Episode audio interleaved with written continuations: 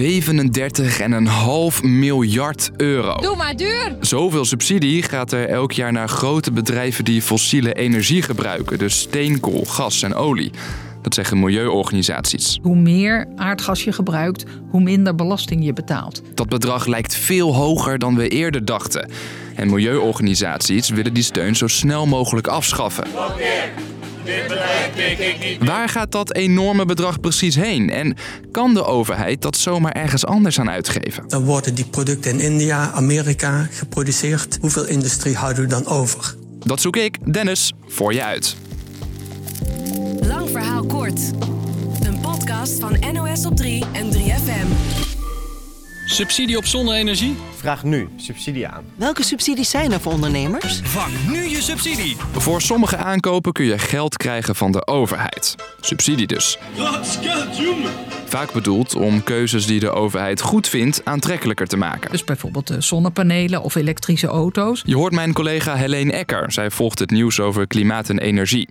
Fossiele subsidies werken net even anders, zegt zij. Het gaat daarbij meer om indirecte voordelen die bedrijven eh, krijgen. Hoe meer gas je gebruikt in Nederland als bedrijf, hoe minder belasting je betaalt. Sommige industrieën hebben heel veel energie nodig. Een staalfabriek bijvoorbeeld, of tuinbouw, vliegmaatschappijen, scheepvaartbedrijven. De overheid helpt ze een handje. Om de energierekening laag te houden, betalen deze bedrijven veel minder energiebelasting. Voorbeeldje. Dat de luchtvaart geen belasting betaalt over kerosine, de luchtvaartbrandstof. Daardoor hebben vliegmaatschappijen minder kosten, meer winst en is jouw vliegticket een stuk goedkoper.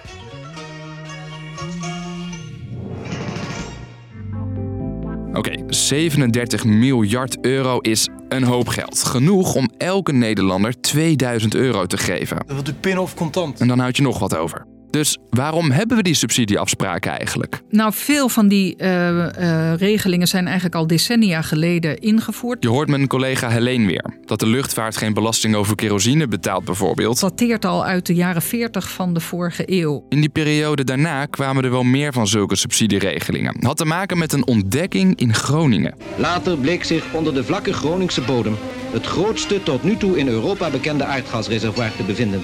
Dat ons hele land de komende tientallen jaren energie en warmte zal leveren. Waar we bij Gronings gas nu denken aan. Opnieuw een aardbeving in Groningen afgelopen nacht. En, het was net of het hele huis naar beneden zakte. Zagen we die gaskraan toen vooral als een enorme geldkraan. Nederland was opeens een energiegrootmacht. En om te zorgen dat grote bedrijven die veel gas gebruiken hierheen kwamen, werden voordeeltjes bedacht. Klinkt als een goede deal. Althans. Het verbranden van fossiele brandstoffen is de belangrijkste reden dat het uh, klimaat verandert. En daar, ja, daar wil men dus vanaf. Oh ja, klimaatverandering. Ja, inmiddels vindt de politiek dat we aan uh, klimaatbeleid moeten doen, zodat de uitstoot van broeikasgassen naar beneden gaat. Milieuorganisaties en actievoerders willen daarom zo snel mogelijk van de subsidies af. Ik vind de 30 miljard aan fossiele subsidies en belastingvoordelen vind ik crimineel. Eigenlijk hoop ik gewoon dat de fossiele subsidies morgen worden afgeschaft. Ook in de politiek is er al heel lang discussie over. Maar het is wel opvallend dat het bij de kleine man wel gebeurt, maar bij de grote en rijke bedrijven niet zo wordt uitgelegd. Contraproductief en ondermijnend dat is voor ons klimaatbeleid. Oké, okay, dus dan maar in één keer stoppen met al die voordeeltjes? Nou, zo simpel is het ook weer niet. De behoefte aan staal, benzine, kerosine, dat soort producten zal niet minder worden als wij de Rotterdamse raffinaderijen sluiten. Je hoort Jacques Lomme. Hij is adviseur en gespecialiseerd in energie.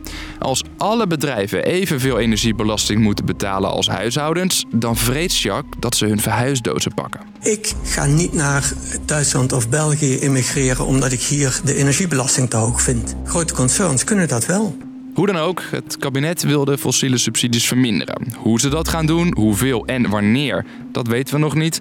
De plannen daarvoor komen waarschijnlijk deze maand.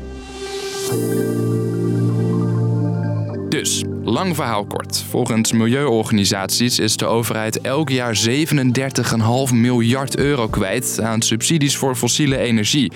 Die zorgen ervoor dat grote fabrieken en bedrijven minder betalen voor hun energie. De laatste jaren is er steeds meer discussie over de klimaatimpact van die subsidies.